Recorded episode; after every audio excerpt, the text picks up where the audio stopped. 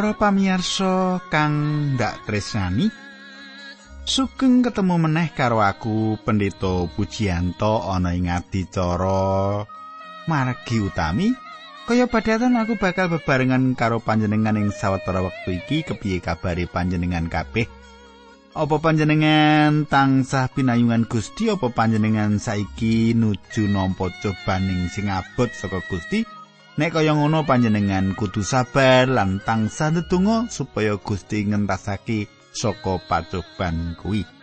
Nah katangku, ayo nyerak kini sugeng midhangetake adicara iki.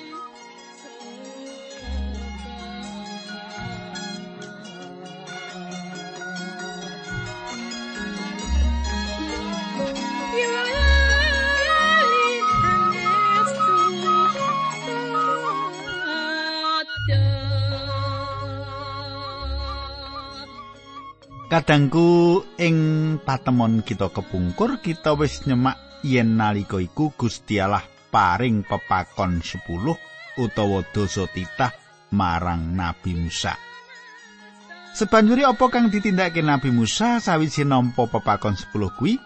Kita bakal nyemak ing patemon kita iki awit saka iki sadurunge tak teruske kita ndedonga nanging sadurunge ndedonga aku arep ngaturake salam kanggo sedulur-sedulur sing wis nglayangi aku. Aku banget sedih dene Ibu Siswandi ya. Saiki dipundhut karo Gusti. Ya, saiki wis dipundhut karo Gusti, layangi lagi teko saiki. Peranti keluarga garwane saiki ana Madura ya. Lan pancen yo nyedihake. Nanging kita ndedonga kanggo bapak siswandi sing ditinggal ibu dalam putrane supaya anggone nyambut gawe lancar. Ayo kita ndedonga. Duh Kanjeng Rama ing swarga kawula ngaturaken gunging panuwun menawi ing wekdal menika kawula saged tetunggilan kalian sedherek kawula ingkang setya tuhu midhangetaken adicara menika. Kawula nyuwun supados Gusti berkahi kawula lan sedherek kawula ingkang ditilar istrinipun ing wanci menika awit saking menapa kemawon supados Gusti paring kekiatan lan boten minger iman kapiandranipun. Dinambaran asmanipun Gusti kawula Yesus Kristus kawula ndedonga haleluya amin.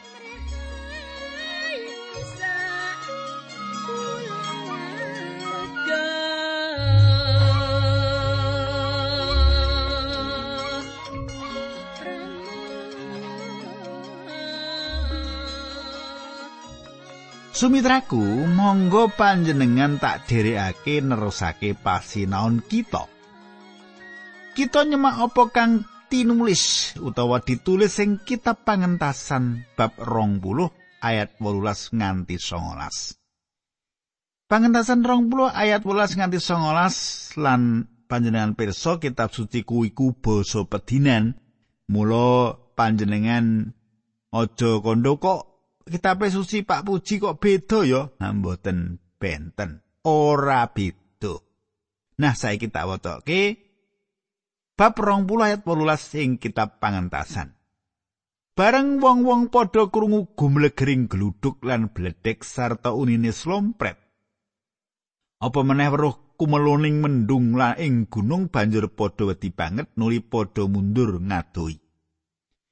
Aturi marang Musa mugi panjenengan kemawon ingkang dawuh kula sampun Gusti Allah mindak kula sami pecah Kadangku nalika bangsa Israel ndeleng bledek lan kumelon mendung ing gunung. Wong-wong mau padha wedi lan banjur padha mundur saka gunung mau. Ayat 20 pangucape Musa. Aja padha kuwatir. Gusti Allah kersa nguji kowe supaya kowe padha wedi asih marang Allah sarta ora padha gawe dosa. Sumitraku pepakon Torat. Angger-anggere Torat kuwi mratelake sawijining ukuran kang dhuwur banget. Paugeran Torat Allah kuwi sempurna. Menawa panjenengan budidaya supaya nampa keselamatan kanthi nindakake paugeran Torat iku, mula panjenengan kudu dadi menungso kang sempurna. Menawa panjenengan ora sempurna, mula panjenengan ora bisa dislametake dening paugerane Torat, dening angger-anggere Torat. aku ngaturake panuwun marang Allah awit saka sih rahmat panjenengani bisa nuntun aku wong kang dosa lan mlarat iki lan nyelametake aku.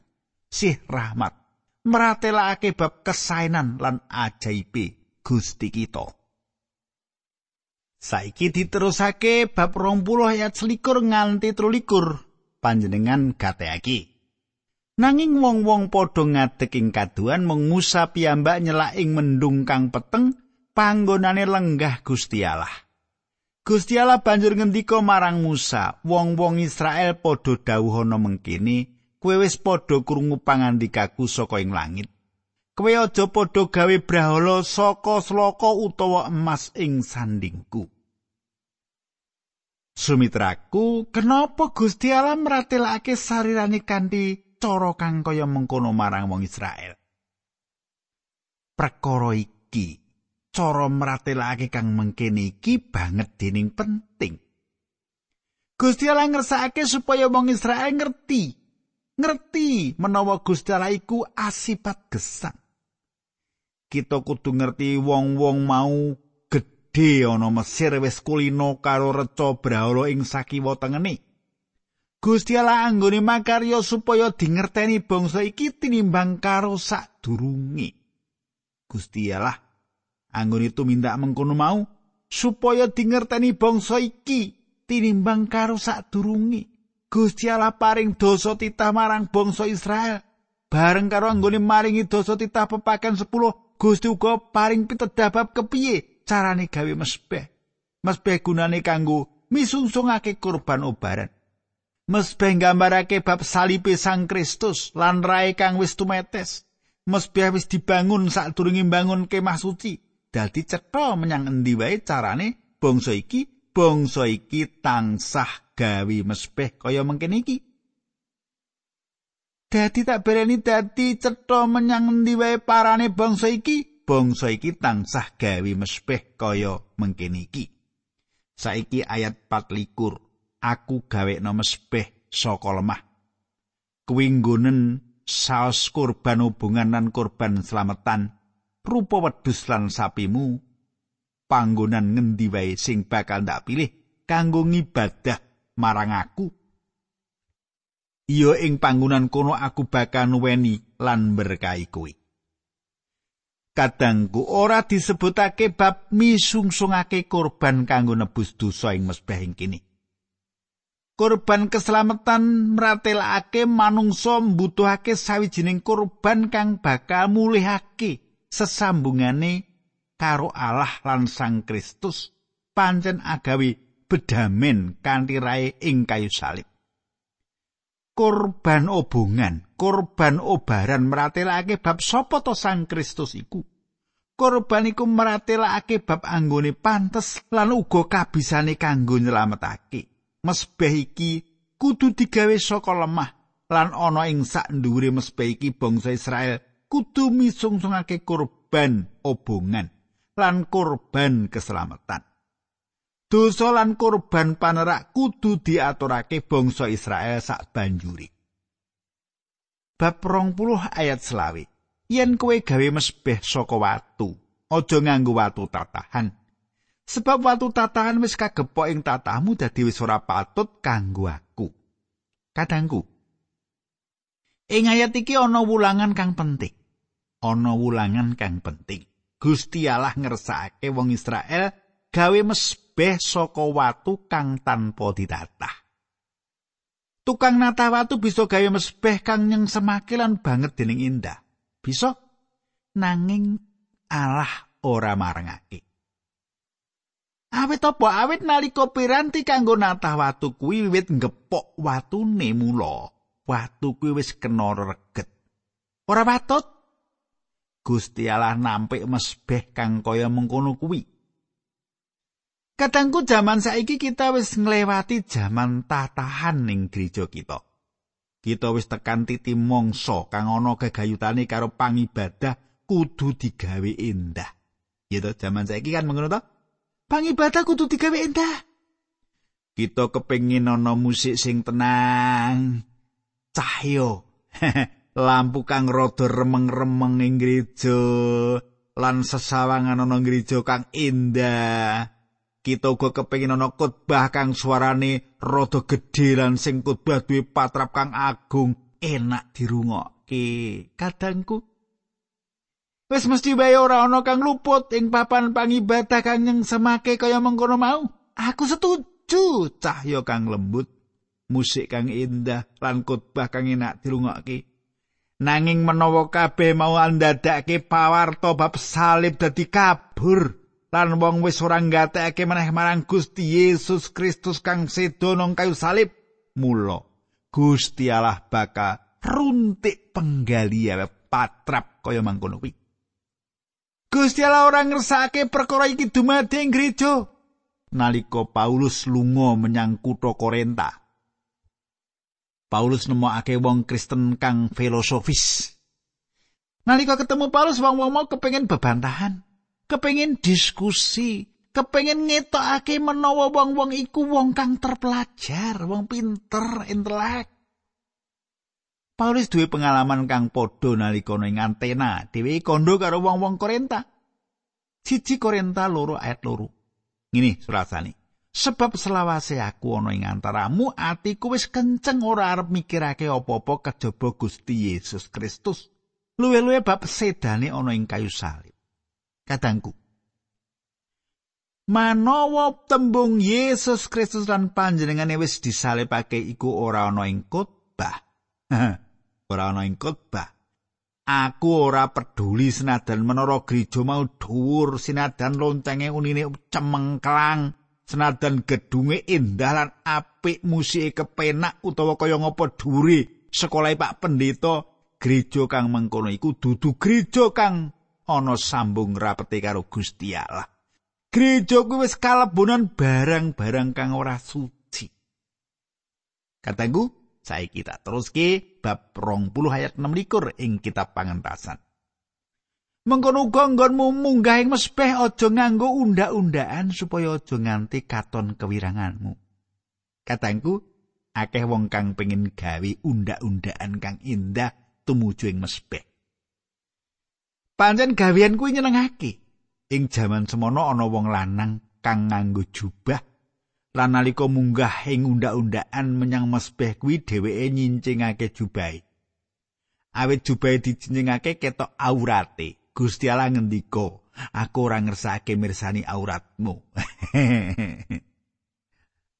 Apa kang ndak aturake iku ana gegayutane karo sifat kedagingan kadangku. Wis mesti wae sifat kedagingan kuwi ora bakal digunakake dening Allah.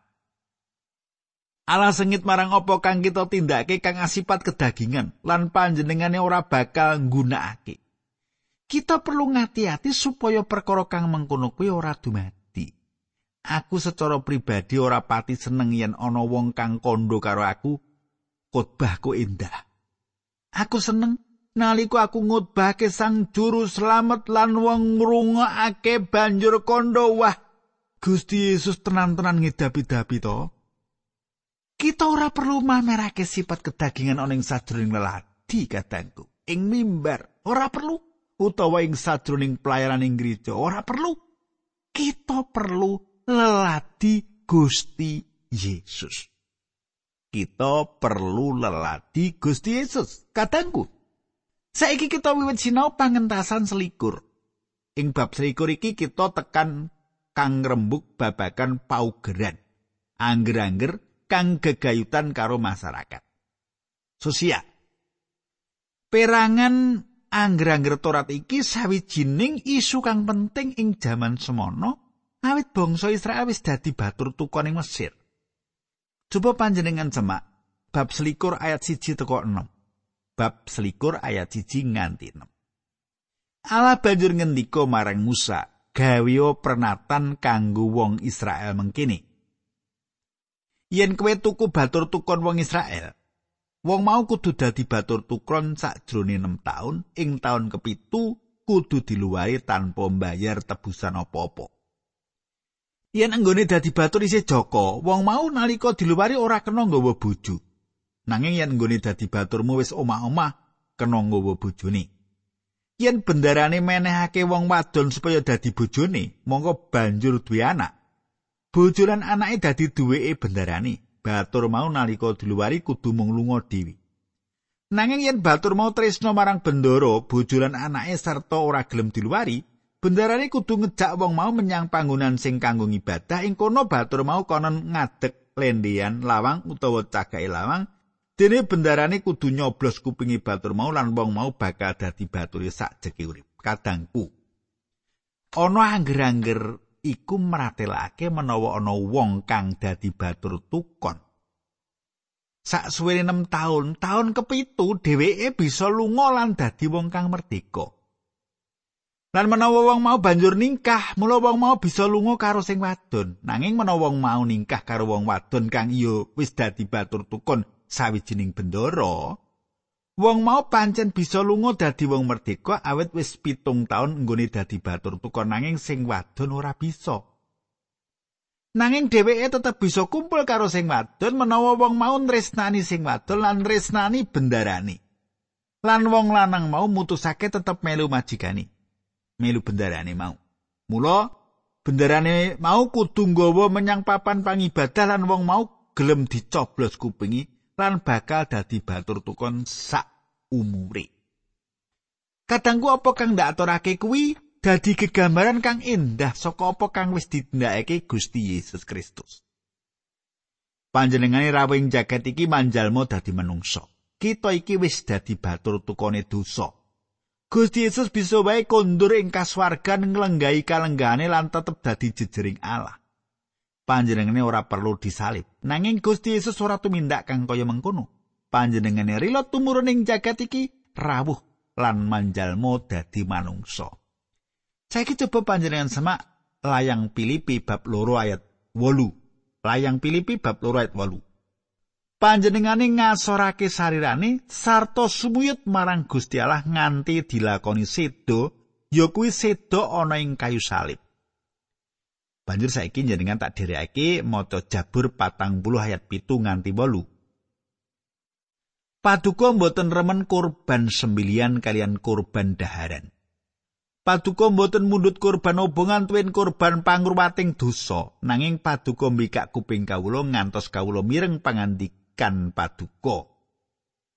Pramila kawula munjuklah menika kawula sowan ing gulunganipun kitab sampun wonten seratanipun bab kawula. Katengku, perangan iki pancen nuju marang Sang Kristus awet ing Ibrani 10 ayat 5 tekan 9. Meratelake perkara iki ayat iki diwujudi nalika Gusti Yesus rawuh jagat iki. Coba tak wacake layang Ibrani ya.